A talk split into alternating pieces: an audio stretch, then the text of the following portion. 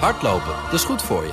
En Nationale Nederlanden helpt je daar graag bij. Bijvoorbeeld met onze digitale NN Running Coach... die antwoord geeft op al je hardloopvragen. Dus, kom ook in beweging. Onze support heb je. Kijk op nn.nl slash hardlopen.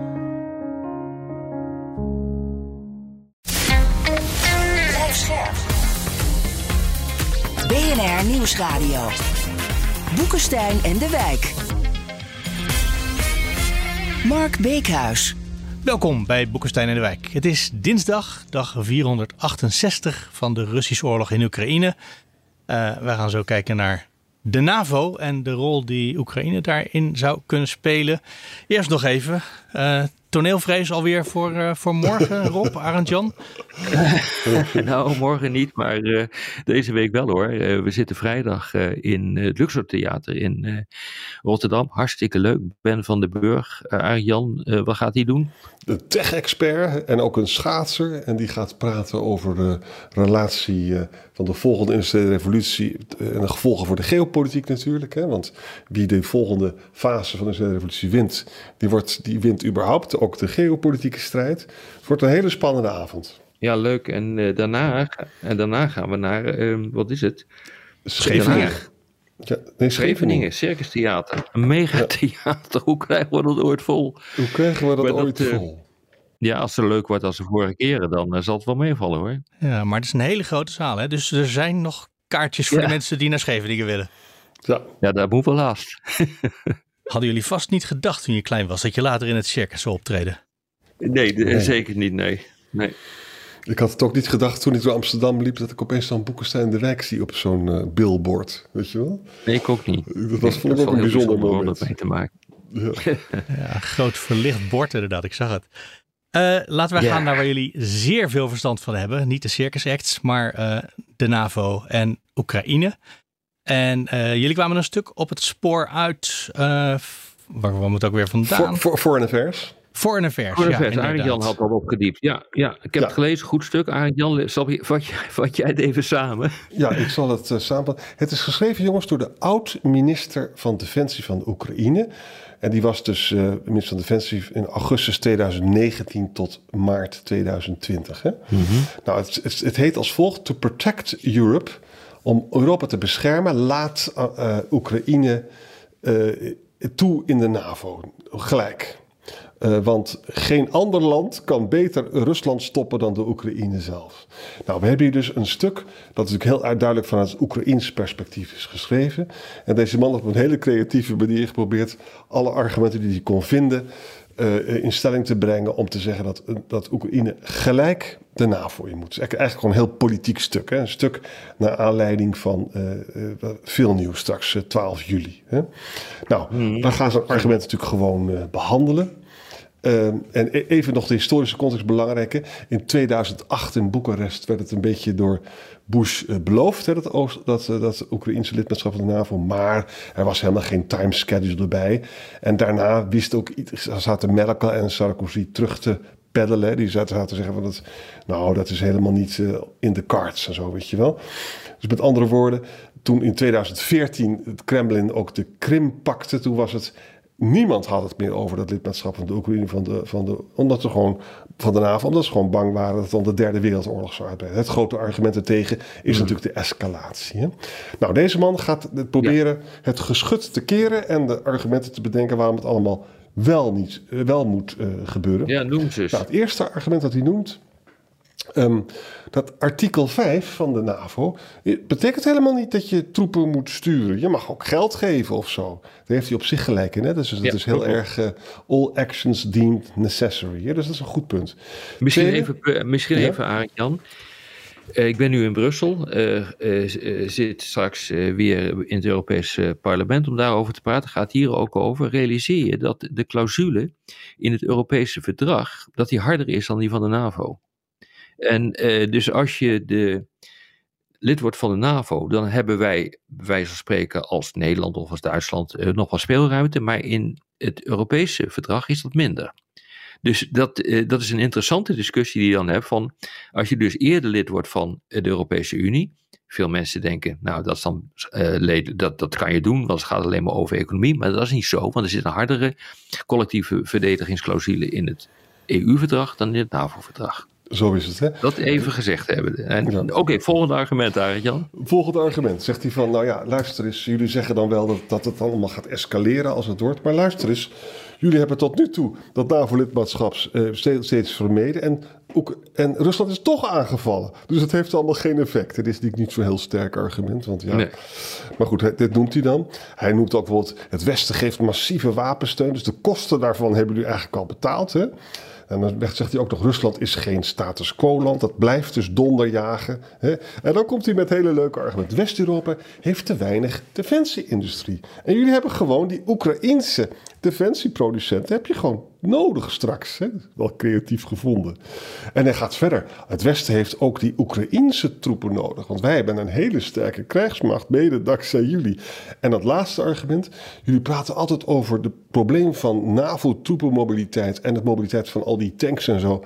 ten aanzien van de Baltische Staten. Hè?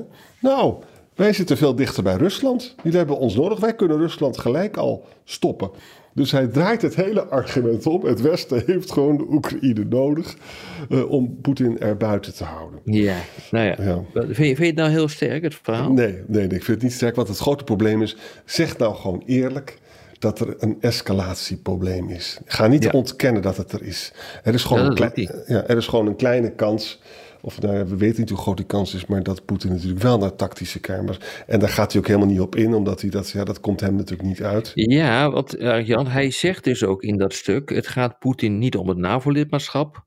Maar eigenlijk mijn woorden om landje pik. Hij vindt dat dat onderdeel uh, is van Rusland en niet een zelfstandige staat. Ja, weet je, uh, ik, daar ben ik het gewoon niet mee eens. Nee. En dat, dat doet ook onrecht aan de werkelijkheid. Eh, want we hebben natuurlijk gezien wat er is opgeschreven door uh, Poetin, althans, het heeft hij laten opschrijven, opschrijven aan het eind van 2021. Kan je dat nog herinneren? Het is inmiddels ja. alweer lang geleden. Hè? Ja. Uh, de, eigenlijk de eisen die hij opschreef aan de NAVO in de vorm van ontwerpverdragen en aan Amerika, waarin hij eigenlijk zei van jullie moeten de NAVO, jullie moeten je gaan terugtrekken uit de landen die vroeger behoorde tot het, uh, tot het Warschau-pact, dus uh, laten we zeggen Polen. Um, hij wilde kernwapens wilde hij eruit hebben, dus dat is gewoon niet waar. Hij is als het dood voor het NAVO-lidmaatschap. Bovendien, 2008, uh, Boekarest, toen de, de deur open is gezet voor Georgië en, um, en Oekraïne. Ja, dat heeft direct ook toegeleid dat er een oorlog is ontstaan tussen Rusland en Georgië. Dus je kunt niet zeggen eh, dat het niet gaat om het NAVO-lidmaatschap. Dat is gewoon wel zo. En het gaat ook om landjepik. En het gaat in wezen om het creëren van bufferzones uh, tussen uh, de NAVO en uh, Rusland. En Oekraïne moet daar ja, een rol in spelen. Ja, weet je, dus een paar jaar geleden was er nog die optie hè, van dat je Oekraïne neutraal houdt, ja. hè, waar Kissinger over sprak. En het interessante is, dat kan niet vaak genoeg benadrukt worden, dat is nu een beetje een gepasseerd station, doordat Poetin zich zo waanzinnig heeft gedragen in het oosten, maar ook in Kiev zelf. Hè? En daardoor is die optie er niet meer. En daardoor is het enige wat wij eigenlijk zien van mocht er een staakt het vuren komen, mocht er een, even een einde aan die oorlog komen, dan kan je wel praten over uh, NAVO-lidmaatschap of veiligheidsgaranties. Maar nu zit je toch nog met die onzekerheid. Ja, als, als Poetin klemt komt te zitten, jongens, dan kan hij het misschien gaan doen met die tactische kernwapens. Niemand kan ja, dat ontkennen. Dat kan. Dat kan. En de Amerikanen hebben natuurlijk eh, de stappen naar voren genomen. Er zijn duidelijke communicaties eh, geweest aan het adres van, uh, van Poetin. Als je dat doet, dan zwaait er wat. Nou, wat er dan zwaait is geheim. Maar het is geen wonder dat, laten we zeggen, vanaf het eind van het vorig jaar die discussie over kernwapens verdwenen is. Dus iedereen roept nu, en dat is echt fout ja, nee, uh, Poetin die heeft wel mee gedreigd, maar hij doet het toch niet. En uh, valt dus allemaal wel mee, dat zie je wel, want die discussie is niet van tafel. Dat is echt onzin. Echte totale onzin om dat uh, zo te denken. De Amerikanen hebben gewoon achter de schermen keihard gedreigd met vergelding als Rusland kernwapens op een of andere manier gaat inzetten in dit, in dit conflict. Dus het is helemaal niet van tafel. Er is alleen heel erg effectief eh, aan Poetin duidelijk gemaakt dat hij niet over die grens moet gaan, want dan zwaait er wat. En hem is ook zeer in redelijk detail uitgelegd wat er dan gebeurt. En weet je wat de ellende is? Mensen zeggen dan in het Westen van... nee, maar Poetin zal dat nooit doen... want dan gaan de Amerikanen nucleair terugslaan. Dus dat is niet in zijn belang. Dat doen ze dus niet. Exact. Als de, Rus, als de Amerikanen dat niet doen... en ik denk dat ze dat niet doen... dan doen ze dus conventioneel iets. Mhm. Maar Poetin weet dat. En die, hij weet dat. en hij is misschien bereid, als hij echt wanhopig is... die conventionele klap te krijgen... en gewoon door te gaan als hij dat nog kan. Ja, zowel Sullivan, dus de nationale veiligheidsadviseur, als Burns, de CIA-directeur, die hebben dit eh, gecommuniceerd aan het adres van eh, de Russen. dus dat, dat verhaal, eh, en dat is eigenlijk ook een deel van de basis van het artikel wat we nu aan het bespreken zijn, dat klopt dus gewoon niet. Nee. Als we toch nog even teruggaan naar het artikel, want daar staat ook in: we moeten er geen rekening meer mee houden dat we misschien meneer Poetin of Rusland provoceren. Want dat is spannend. En dat hoor ik jullie ook altijd zeggen, hou daar rekening mee. Maar je kan toch eigenlijk wel ook verdedigen dat meneer Poetin tot nu toe niets nodig heeft gehad qua provocatie om hele erge dingen te doen. Ja. Ja, maar dit heeft te maken met afschrikking. Dus als jij communiceert dat als hij heel erge dingen gaat doen, bijvoorbeeld de inzet van kernwapens, dat het dan dit en dat de respons eh, zal zijn, ja, dat dwingt tot matiging. Tot nu toe heeft hij zich redelijk aan de regels gehouden. Bijvoorbeeld wat hij ook niet heeft gedaan, Poetin, is bijvoorbeeld uh, die treinen die nog steeds lopen tussen Kiev en de buitenwereld, zeg maar Polen, die heeft hij ook nooit aangepakt. Hij heeft ook nooit de wapentransporten op de grens uh, keihard aangepakt. Dus uh, er zitten grenzen aan bij wat hij doet. dus hij wordt wel degelijk afgeschrikt van nog ernstige acties. Was dit wat je bedoelt? Ja, en tegelijkertijd denk ik, als we dan dus dat dreigement vanuit Amerika overeind houden, ja. Dan kan toch Oekraïne gewoon lid worden van de NAVO. Want hij, daar zitten de grenzen in. Uh, hij kan niet meer over bepaalde grenzen heen. En uh, in, effectief is Oekraïne ook al lid van de NAVO, zo'n beetje. Met alle wapens die we ze hebben geleverd. Ja, ik begrijp dat je dat zegt. Maar dat is nou weer een grens voor, uh, voor Rusland. Dat als die wordt overschreden. Dan zijn alle remmen los en dan kunnen er wel kernwapens worden ingezet. En dan, en dan accepteert Poetin de, eh, de represailles, de vergelding van Amerika. Zo, Dat is hoe het werkt op dit ogenblik. maar, maar het interessante is, Zelensky heeft de afgelopen dagen gezegd: Ik begrijp dat ik geen lidmaatschap krijg zolang als de oorlog duurt. Exact. Dat heeft hij de afgelopen dagen heeft hij dat gezegd. Het heeft hiermee te maken. En het heeft ook te maken, kijk, als je stel je voor dat je dus uh, vandaag Oekraïne lid van de NAVO zou maken, dan is dat hele gedonder in Donetsk, Lugansk, is ook NAVO-gebied. Ja. Nou, dan is dit dus een directe escalatie, want dan moeten we daar helpen, hoe dan ook. Hè? Uh, met andere woorden, het enige wat op een veilige manier zou kunnen, is een staakt het vuren. En mensen zijn dus bereid, aan alle tweede kanten zijn de kanonnen zijn stil, er wordt gesproken. En dan heb je om de volgende Russische aanval tegen te houden dan moeten er veiligheidsgaranties komen voor het gebied aan de Oekraïnse, zeg maar, zeg maar de, het gebied dat, dat ze tot dan toe bevrijd hebben. Exact. je moet dus een onderscheid maken tussen de bezette gebieden en de niet bezette gebieden. Dan zou het niet bezette deel van Oekraïne zou op een gegeven moment lid van de NAVO kunnen worden, na een staakt het vuren. En het bezette gebied wordt dat niet. Eh, dan wordt de claim van Oekraïne op dat bezette gebied niet opgegeven. Maar dan ontstaat er een situatie, eh, zoals we dat hadden tijdens de Koude Oorlog tussen de Bondsrepubliek eh, Duitsland en de Duitse Democratische Republiek, die eigenlijk in die, ehm, in die terminologie bezet was door de Sovjet-Unie. En die claim is nooit opgegeven op de DDR. en dat betekent dus aan het eind van de Koude Oorlog hebben we dus de Duitse vereniging gezien. Dan krijg je iets dergelijks. Um, en dat is eigenlijk een van de scenario's. Ik heb dat, uh, nou, ik denk al wel een jaar geleden heb ik dat ook uh, betoogd, dat het een interessant uh, scenario is. Dat scenario, dat zien we nu oppoppen in de discussies. Dus er wordt van uitgegaan dat op dit ogenblik Oekraïne niet in staat is om alles terug te veroveren. Zou een, een mega-overwinning zijn. Maar als zij in staat zijn, Oekraïne, om, uh, laten we zeggen, alleen al de landbrug tussen de Krim en Rusland uh, te, te doorsnijden, dat is al een geweldige, uh, ja, een geweldig succes.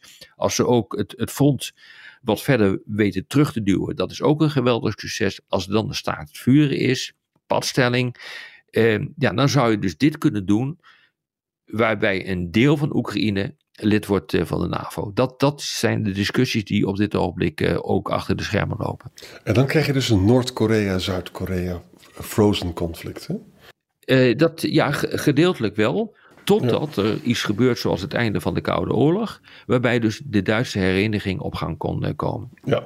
Beschrijf je nu eigenlijk niet de situatie waarin Rusland, koste wat het kost, moet voorkomen dat de oorlog afloopt? Dus dat het gewoon door moet gaan? Zeker. Ja. En dat is ook het grote gevaar hiervan. Absoluut. Dat, uh, dat ben ik van zeker met je eens. Ja, dat is een groot probleem. Rusland heeft dus incentives, heeft een prikkel om door te gaan tot het gaatje. Ja. En tegelijkertijd heeft Oekraïne dat natuurlijk ook, want die wil zoveel mogelijk grondgebied eh, winnen. Hè? Zeker. Ja. Maar die wil er een eind aan maken. Die wil grondgebied terug, uh, terug veroveren, maar wil ook een staakt het vuur hebben, omdat op dat moment er een, een, een, een mogelijkheid bestaat om een deel van Oekraïne binnen de NAVO te trekken. Ja, dan, en dat is een, de superveiligheidsgarantie. Maar dat gaat hem niet worden hoor, deze veiligheidsgarantie in uh, veel nieuws. Uh, die, uh, die vindt plaats, wat is het, Arjan help me even. Ik dacht 12, 12 juli. 12, 12 juli. Het maximale wat je daar waarschijnlijk krijgt, voor zover ik het nu zie, is het Israël-scenario. En dat betekent dat we het land vol gaan pompen met de wapens. En dat is dan de veiligheidsgarantie. De veiligheidsgarantie is net zoals bij Israël. Je krijgt ongelimiteerd wapens van ons. Ja, we hebben natuurlijk nu ook al die veiligheidsgarantie afgegeven. Hè? De VS, uh, Moskou en Londen samen. Ja.